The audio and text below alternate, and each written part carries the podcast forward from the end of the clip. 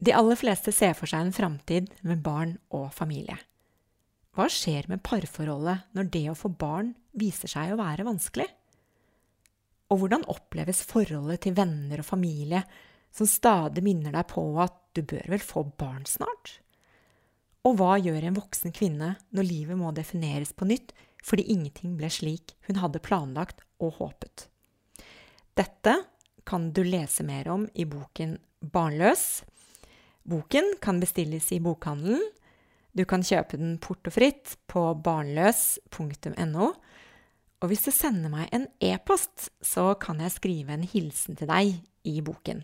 Da sender du til boken barnlos i ett ord at gmail.com.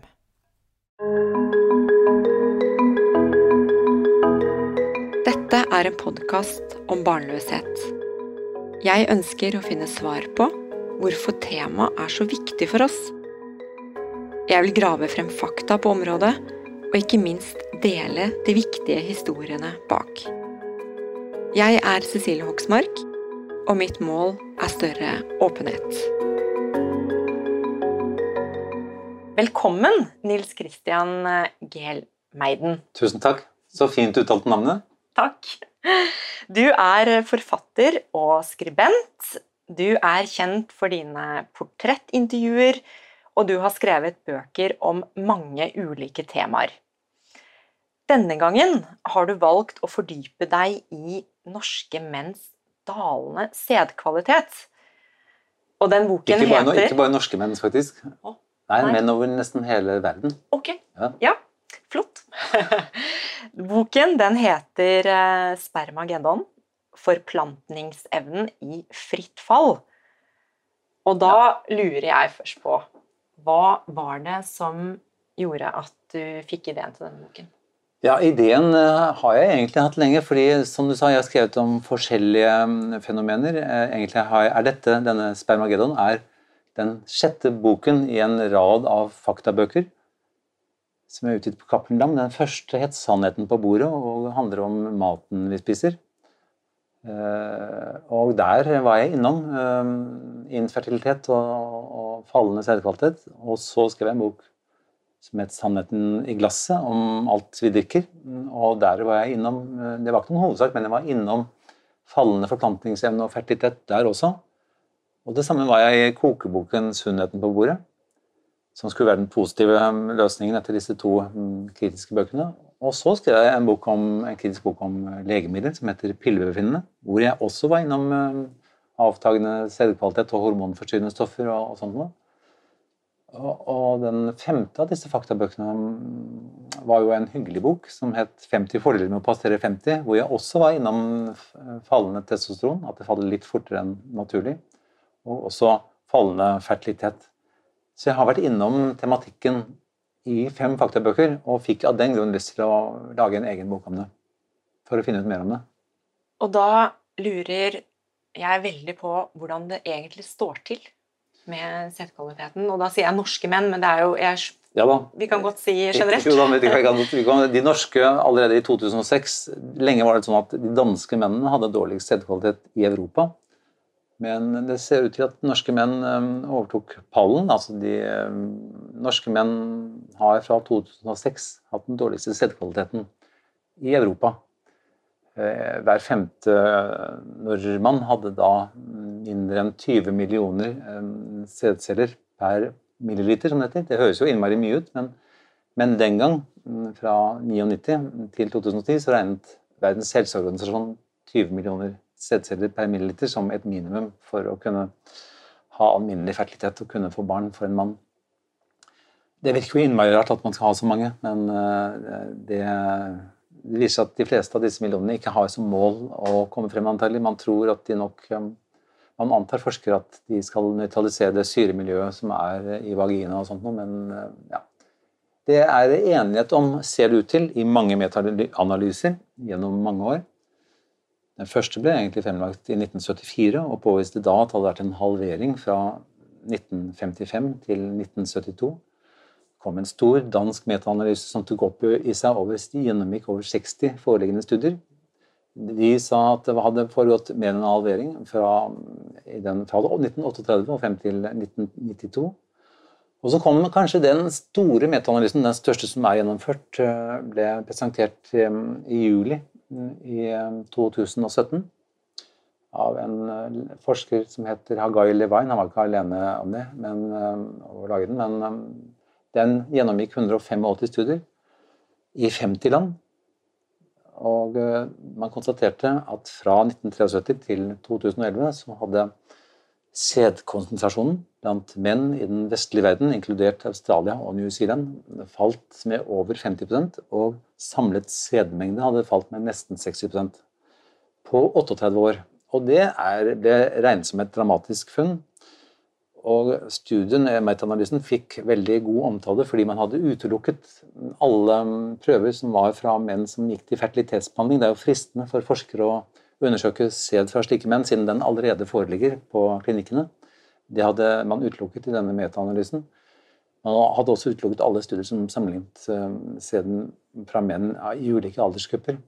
Så det var mange sånne kriterier som var innfridd kvalitetsmessig. Mange av de som hadde tvilt på om det var fallende sædkvalitet, tvilte ikke lenger etter at denne studien ble fremlagt. Og den fikk også førstesider i, i, i, mange av uh, verdens aviser for sin grundighet. Uh, konklusjonen var at fallet hovedsakelig skjedde i vestlige land. Men også året før ble det fremlagt en stor metaanalyse som påviste det største fallet i Afrika. Uh, av alle kontinenter. Så det, kan, det, ser ut til at det er stor enighet om hva som skjer. At mannlig fertilitet er avtagende over store deler av verden. Eh, man er ikke fullt så enige. Det, det, spennende er altså hva som er årsaken til dette. Der er man ikke enige, men det er gjort veldig mye mer forskning på det enn jeg var klar over da jeg begynte å skrive boken. Veldig mye mer. Og du beskriver jo arbeidet med denne boken nesten som du er i en krim hvor du leter etter en ukjent gjerningsmann, skriver du. Ja, det, det, har vært et spennende arbeid, det at man ikke vet svaret. Jeg vet det fortsatt ikke, jeg. Eh, på en måte heldigvis. Jeg er jo ikke jeg er jo ikke utdannet forsker heller. Jeg er utdannet statsviter. Jeg er jo ikke formelt eh, utdannet biolog eh, eller biologisk forsker eller fertilitetsforsker. Jeg, jeg leser og studier og bringer videre den kunnskapen som andre har etablert. Eh, men som du sier, det har vært innmari spennende mm, detektivmoment. Nesten, nesten minnet litt om den krimhistorien til Agatha Christie som heter 'Mordet på Orientekspressen', hvor, mm, hvor jo det oppfylles Det viser seg at alle som er på det toget, har stukket en kniv i den, eh, i, i den avdøde. Eh, det er også min følelse at det er veldig mange skyldige. Det er veldig mange ulike sider ved det moderne livet som virker i samme retning man, og mange av disse er jo overlappende. Man vet, Det er enighet om at mm, overvekt og fedme, både blant kvinner og menn, eh, nedsetter forplantningsevnen. Men eh, mennesker som er overvektige eller har fedme, de har også en annen livsstil. De beveger seg gjerne mindre. De, man, de har mennene som er mm, fete eller overvektige, de har tykkere lår, med den følge at skrotum, som den legemsdelen mm, som kalles, hvor sæden oppbevares, blir varmere, og det er det enighet om at eh, oppvarming er uheldig. Derfor har man uheldig utslag med badstue og feber og syk lang, lange sykkelturer og varme i bilsettene og sånn. Det er mange, dette er eksempel på sånne forhold som faller sammen med mm, at man er, har fedme eller overvekt. Pluss at mange av de hormonforstyrrende stoffene som finnes i ulike miljøgifter og i sprøytemidler, ser ut til å påvirke rett og slett energiomsetningen i kroppen og, og stoffskiftet og også tarmfloraen, eh, som også virker vektøkende uavhengig av, eh, av næringsinntaket. Forskning.no hadde jo en artikkel i 2016 på trykk som Ingrid Spilde hadde skrevet, hvor, hvor det reises spørsmål om nordmenn spiser mer enn før, siden syv av ti nå er overvektige. Og det konstateres at, eh, at det motsatte har skjedd. At eh, kaloriinntaket blant nordmenn har vært jevnt avtagende helt siden 1980. Det strider jo veldig med våre forestillinger om eh, hva som utløser overvekt. Vi tror ganske sikkert at det er økt kaloriinntak og, og mindre fysisk aktivitet. Så det, det jeg syns over tid at det har vært spennende å se, altså mobiltelefoner og stråling Det er enighet ikke enighet, det er ikke enighet på feltet, men mange studier har vist at det er uheldig å ha mobiltelefonen i lommen. Det er uheldig å snakke mye i telefonen. Det er uheldig å ha trådløse nettverk på hele tiden, enten du har PC-en i fanget eller ikke. Men fallet i sædkvalitet begynte altså flere tiår før eh, mobilene og de trådløse nettverkene fantes. Eh, før så mange tatoverte seg. Tatoveringer har også vist seg, altså tatoveringsblekket har også vist seg inneholde kjemikalier som kan ha en uheldig effekt. Og den uheldige effekten som du beskriver, er det hormonforstyrrende effekt primært man tenker seg? Det er iallfall det også. Eh, For nå tenker jeg de ulike mm, ja, er, miljøfaktorene eller kjemikaliene og det. Er det, er det på en måte det ja, man tenker på? Ja, det, det er i høyeste grad det også. Um, og noe av det som virkelig styrker um, teorien om at hormonforstyrrende stoffer har noe med saken å gjøre, er at dette, det er ikke bare menneskene som blir berørt. Um, allerede på 90-tallet oppdaget man at um, hannfisk i britiske lavlandselver hadde begynt å utvikle egg. Og det skal jo ikke hannfisk gjøre.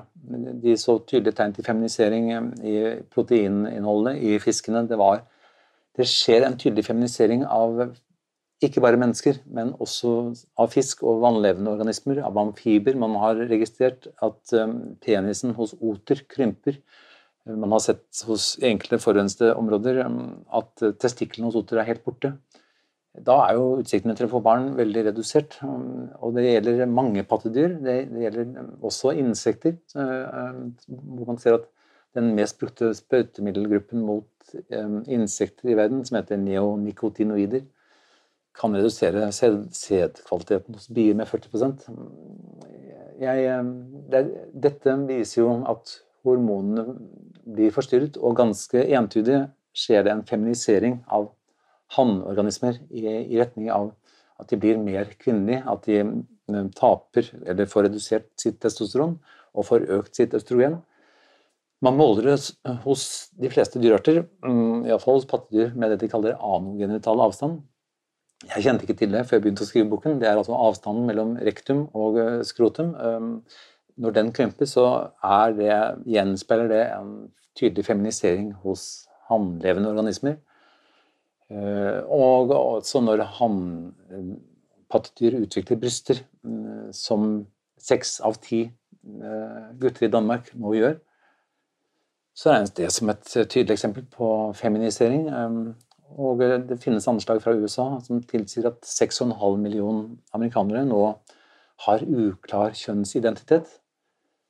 Kanskje pga. en slik feminisering. Mm, det er I forhåndste deler av verden, særlig i arktiske strøk, så fødes det vesentlig flere jenter enn gutter. I en gren på Grønland fødes det ikke, er det ikke blitt født eh, guttebarn på lang tid. Eh, alt dette eh, kan tyde på at det er hormonforstyrrende stoffer som finnes andre steder, altså også i vannet, i avløpene i elvene det er en tydelig tendens at vi dessverre kan se ut til å ta med oss dyreriket også. Hadde det bare vært menneskene som mistet sin forplantningsevne, ville ja, kunne, kunne nesten lignet et elegant punktum for arten. Men, og det har jeg merket når jeg, når jeg, snakker med folk, for det gjør jeg jo iblant. Jeg, under arbeidet jeg har jeg jobbet i halvannet år med dette, og de lurer på hva jeg skriver om. Så sier at jeg skriver om at sædkvaliteten blant mennesker faller veldig fort og at eh, ett av fem par i Norge er ufrivillig barnløse. Og at eh, minst ett av seks par i Europa er ufrivillig barnløse. Og de fleste sier 'oi, så fint, så flott', da slipper vi det der med overvåkning. Og, og det er bra at det blir færre av oss, det er jo så mange. Vi er jo altfor mange. Særlig sånn som elever. Og uh, kanskje blir det til og med mindre kø og litt bedre og lettere å parkere bilen og sånt. Og da sier jeg, og det skjønner jeg godt, altså vi er opplært vi lærte på skolen hvor viktig det var å bruke prevensjon og, og forhindre at man fikk barn. Vi har hørt at verden kommer til å eksplodere, at det kommer til å bli 12 eh, milliarder i 2050 og sånn. Så jeg skjønner at folk ser på dette som en god nyhet. Men da tror jeg ikke det har fått med seg to ting. Det ene er at menn med nedsatt sædkvalitet er veldig mye mer utsatt for å få nedsatt levetid for å få mange ulike kroniske sykdommer, sånn kreft og, hjerte-karsykdommer, og uh, ha en 20-doblet risiko for å få testikkelkreft og misdannelser, sånn som kryptorkisme og hypospadi. Så det er veldig mye mer. Det å ha nedsatt sædkvalitet handler om veldig mye mer enn redusert sjanse for å få barn. Det tror jeg ikke folk vet om. Sæden avspeiler den øvrige helsen.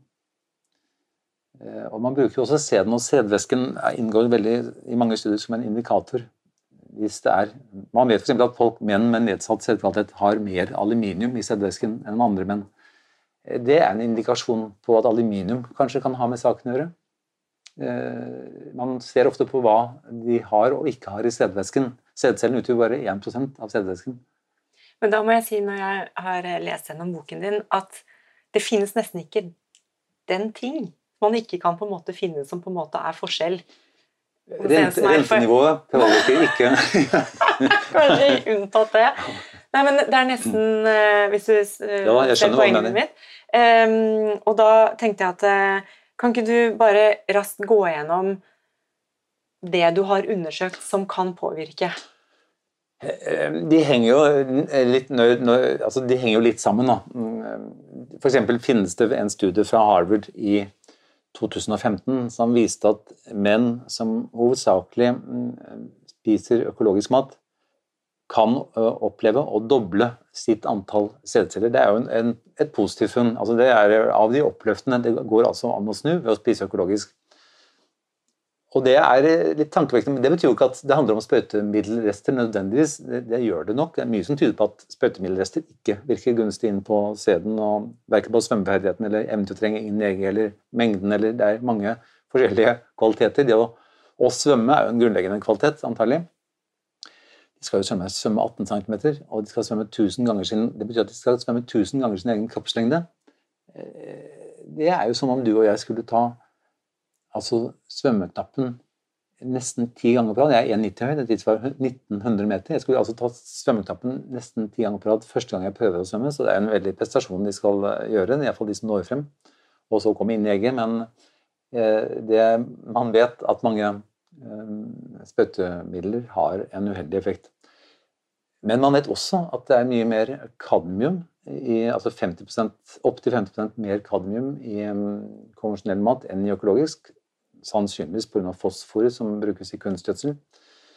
Man vet eh, også at det ofte er mindre C-vitamin i konvensjonelle matvarer, og man er helt sikre på at C-vitamin motvirker det som kalles oksidativt stress i kroppen, som er en sentral årsak, muligens hovedårsak til fallende sædkvalitet. Så det er mye mer enn bare sprøytemidler med økologisk mat. Eh, også et Underveis så tenker jeg, hvis man snakker om hestevedløp her, så er det noen sånne dark horses, altså noen, en uventet eh, hest seiler opp som en, som en mulig vinner.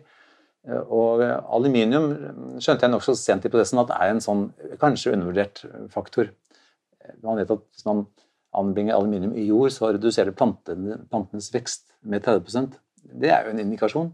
Man vet dette med aluminium i sædvæsken betyr som oftest færre sædceller. Og En annen sånn dark horse i boken er dette som heter mykotoksiner, eller muggsoppgifter. Eh, jeg nevnte at i 2016 ble det fremlagt en studie som konstaterte at eh, fallet i sædkvalitet var sterkest i Afrika. Eh, de fleste studiene som inngikk i den metaanalysen, var fra, fra, Nigeria og den tropiske delen av Afrika. Og den delen av Afrika kalles ofte blant forskere for infertilitetsbeltet. Opptil 35% av mennene som bor der, er ikke i stand til å få barn pga. nedsatt sædkvalitet. Og de bruker ikke så mye mobiltelefoner og sprøytemidler og så mye kunstgjødsel og aluminium. ikke sant? Det, har vært interessant på den måten. Det de har mye av, er fuktighet og muggsoppgift. Fordi muggsoppgift trives som regel med fuktighet. Og derfor tenker jeg at det er ordentlig spennende å vite at uh, nesten alt konvensjonelt korn i Norge og i andre land nå ser ut til å inneholde muggsoppgifter sånn som don, som har mest uheldig effekt på sædkvalitet av alle muggsoppgiftene. Så det er, eh, Og som økologisk mat har mye mindre av. Det ble fastslått i Norge mm, av Aksel Bernhoft eh, allerede i 2003.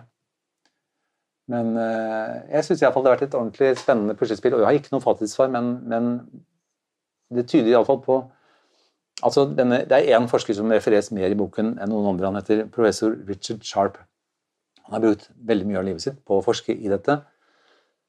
Eh, og han blir spurt om hva det hele kan skyldes, og han sier at, at det handler nok eh, i alle fall om mm, eh, det vi spiser, Og så handler det om livsstil, og så handler det om legemidler, og så handler det om miljøgifter.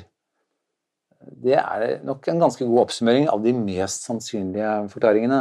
De tar jo opp i seg så mye annet. Livsstil er jo omfattende på den måten at det handler om inaktivitet. Det handler kanskje også om søvnmangel, som man vet er uheldig. Det handler jo til en viss grad om overvekt og fedme. Altså det handler om, og, og, og maten. Hvis du inkluderer det, det de drikker, så er det helt åpenbart muligens en hovedforklaring som tar opp i seg mange av miljøgiftene også. Eh, og du kan si, De tidligere faktabøkene hadde jo handlet om mat, drikke, legemidler og eh, aldring. Alder er også en komponent.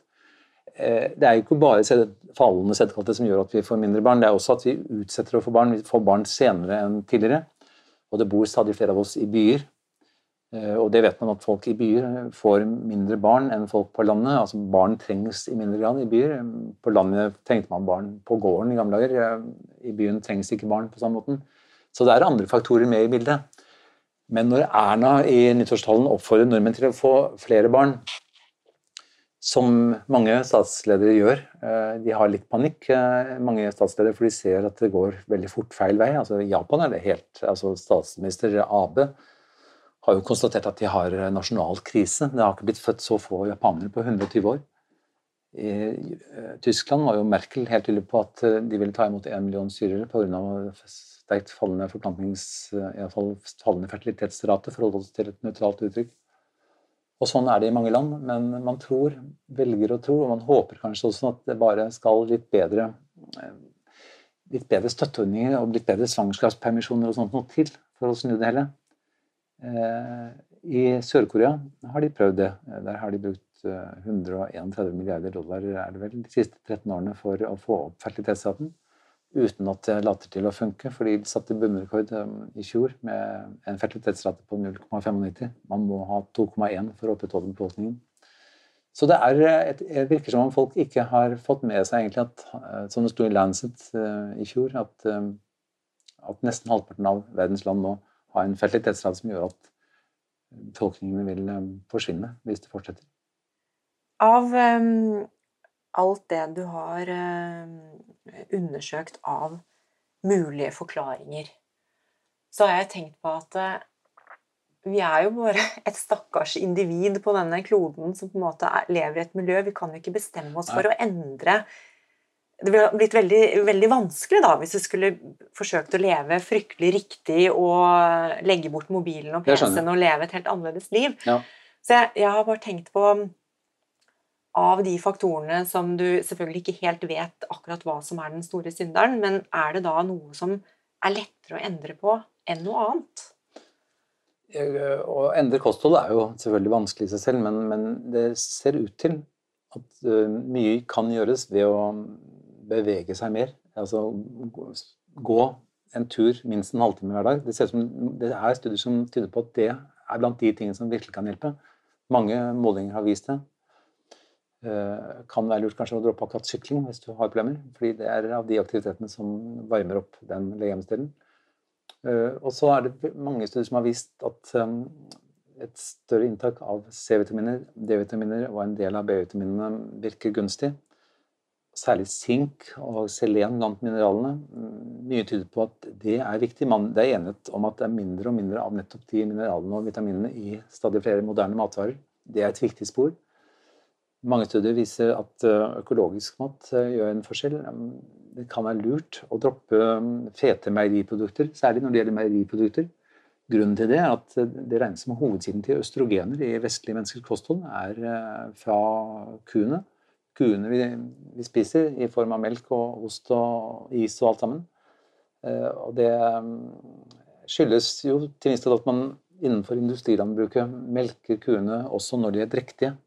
Når kuene er direkte i siste del av svangerskapet hos kur, så er, vet man at østrogeninnholdet er 33 ganger høyere enn når kuene ikke er drektige. I gamle kulturer så drakk man aldri melk fra gravide kuer. for å sånn. Den, jeg vet ikke om det var av den grunn, men man gjorde det ikke. Men innenfor industrilandbruket så er det ingen som Da tapper man på uh, uansett, og lar heller kalven få tørrmelk uh, for å få mest mulig ut av kua. Så det er sånne krefter som virker inn. Man vet at prosessert kjøtt virker uheldig. Det er stor enighet om det. Men folk vet ikke om det. Folk vet ikke at pølser og hamburgere og eh, is og ost kan virke uheldig. Så jeg er optimist på den måten at hvis folk får vite om en del av disse tingene, hvis folk får informasjon, så vil mange, ikke alle, men mange vil, iallfall de som har veldig lyst på barn, få en mulighet til å prøve de mulighetene som finnes. Så har, heldigvis er det et, eh, ganske stort kapittel i boken som heter 'Hva kan vi gjøre?' hvor og mange blir jo også hjulpet av eh, fertilitetsbehandling, eh, altså ved, særlig ved assistert befruktning. Men det er, ser ut til å være enighet om at ikke det kan hjelpe alle, fordi de, de, fleste blir hjulpet på den måten etter fem år. Men en del får ikke hjelp etter fem år heller, så, så det kan ikke hjelpe alle. Og man vet at det er særlig kvinnen som bærer påkjenningen ved assistert befruktning. Man vet også at det er kostbart, eh, så, og, for kostbart til å kunne brukes i de delene av verden som er mindre mm, økonomisk velstilt enn vi er i Vesten. Og unge menn eh, over hele verden fryser nå ned sæden sin. De leser om dette i avisen eller føler de vil sikre seg muligheten til å få barn om 20-30 år, og fryser ned med månedsleie på store laboratorier. På en måte er det jo litt falske løsninger å satse på nedfrysing og assistert befruktning, og ikke gå for det som gjør om på de tingene som man vet at vil hjelpe. Men jeg har jo ikke noen fasitsvar. Det forskes jo også på. Det er kanskje det mest deprimerende. Det er det jeg har med helt i siste kapittel av boken. som det er spørsmålet om dette kan være menneskehetens punktum. Noen mener jo det. Jeg tror egentlig ikke.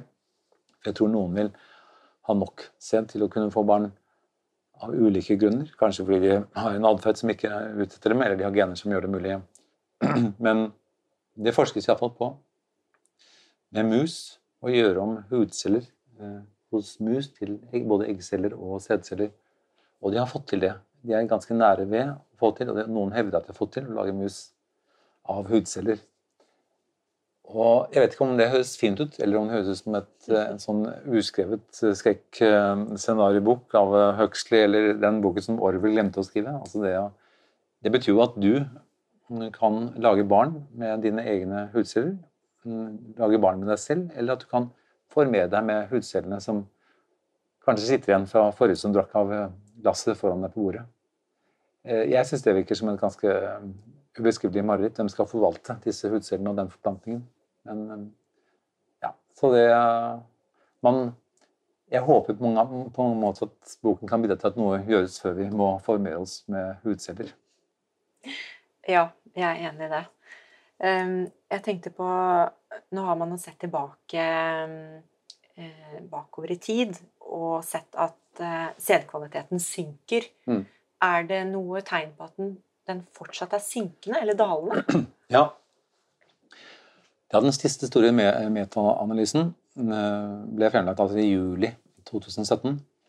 Og Så var det en studie i året etterpå som konstaterte at fallet fortsatte fort, like fort som før, til og med fortere. Og at eh, antallet mennesker som søker fertilitetsbehandling, det er også en indikasjon, er, øker fortere enn det noen gang har gjort. Så det er mange tegn som tyder på at det går, også i den Levines uh, metaanalyse er det tegn som tyder på at det går fortere enn før. Uh, at det går uh, Ikke bare at det lenge har gått feil vei, men at det går fortere feil vei enn det gjorde før. Så hvis det har sunket med 60% på 38 år, hvor, hvor, lenge til er det da at det er helt tomt? Det, for minimum som Verdens helseorganisasjon setter nå, de har redusert kravene til selvkvalitet fem ganger siden 1980. Nå er minstekravet 15 millioner sædceller. Snittet i denne store metaanalysen fra 2017 var 47 millioner. Men de er også entydige på at folk som har mindre enn 40 millioner, og 40% av de undersøkte i denne metaanalysen hadde under 40 millioner, de kalles blant forskere og fagleide for underfertile eller subfertile. De, det vil ta være vanskeligere for dem å få barn enn, enn det ville vært hvis de hadde 100 millioner, som var vanligere før. Og så eh, var jeg også litt nysgjerrig på hva tror du kan være årsaken til at eh, nordmenn skiller seg spesielt negativt ut? Og da har vi altså lavere sædkvalitet enn danskene og svenskene. Ja, og finnene har kommet best ut i alle år. Eh, som også mange forskere i Skandinavia som har lurt på hva det skyldes. De store, de er ganske store, de forskjellene i Skandinavia. Man tror, En del forskere tror i alle fall, eller er ganske sikre på at eh, de fleste av skadene påføres eh, menn når de er fostre. Altså at det skjer i mors liv, som man kaller det mange av disse miljøgiftene, dioksinene, furanene, PCB-lignende dioksiner, eh, forstyrrer mm, den fremtidige sædproduksjonen hos fosteret. Og man har i forlengelsen av det tenkt at kanskje kvinner i Danmark og, og i Norge har vært tidligere eh, eksponert for miljøgifter enn kvinner i, enn majoriteten av kvinner i Finland og i Sverige. Kanskje de også har røkt mer under svangerskapene enn kvinner har gjort, mødre har gjort i Finland og Sverige. Man har ulike teorier om det. Det er jo også sånn at i 2014 ble det fremlagt en stor studie ved Norsk institutt for luftforskning eh, som konstaterte at nordmenn har flere miljøgifter i blodet enn noen andre folkeslag. Altså, vi har mellom 200 og 400 ulike miljøgifter i blodet, mens det vanlige etter krigen var å ha i snitt 6-7 forskjellige miljøgifter. Så det er jo en 50-dobling av miljøgiftene i nordmenns blod, hvis den studien stemmer, på bare 60 år. Det kan jo også være en, avgjort være blant forklaringene til at nordmenn kommer uheldig ut. Hvis D-vitamin er så viktig som eh, mange forskere sier, så kan jo det være en medvirkende forklaring. Så eh, det er vanskelig å vite hva som er hva, men, eh, men man vet at sol og D-vitaminer er viktig. Og man vet også at hvis man har på seg solkrem, solkremene i seg selv inneholder stoffer som er uheldige, altså selve eh, filterstoffene, selve faktoren, men, men de reduserer også opptaket av D-vitamin fra solen. Så det er det blir forsket ganske mye på. Og det fortsetter Folkehelseinstituttet å forske på også. Ja. For de har jo dette egne senteret ja. for uh, fruktbarhet og fertilitet. Og de har vel så vidt begynt? Ja, da, faktisk. Hvis du leser boken, og det er jo 60 sider med kildeanvisninger eh, til forskning over hele verden, men du vil se at veldig, det er veldig mye mer av forskning som kommer fra Danmark enn Danmarks størrelse skulle tilsi. Og det har jo for så vidt en litt spennende fortelling, fordi det er en, en lege eh, og forsker og professor som heter Nils Erik Skakkebekk, som ehm, ble så interessert i fenomenet da han som lege skulle forklare en mann første gang for 50 år siden at han ikke kunne få barn fordi han ikke hadde sett til å få barn. Han ble interessert i det på en måte som mange leger ikke ble, så han begynte å forske, og han opprettet eh, den avdelingen ved Rikshospitalet i København som har forsket eh, lengst på dette i verden. Det jobbet 60 forskere på heltid der allerede i 2008. Så, så det, hans tidlige engasjement har jo gjort at mye av forskningen som gjøres, eh, som er i forkant, har vært av dansk opprinnelse. Fordi denne eh, avdeling for vekst og reproduksjon, som det heter, har, eh, ble tidlig grunnlagt. Mm.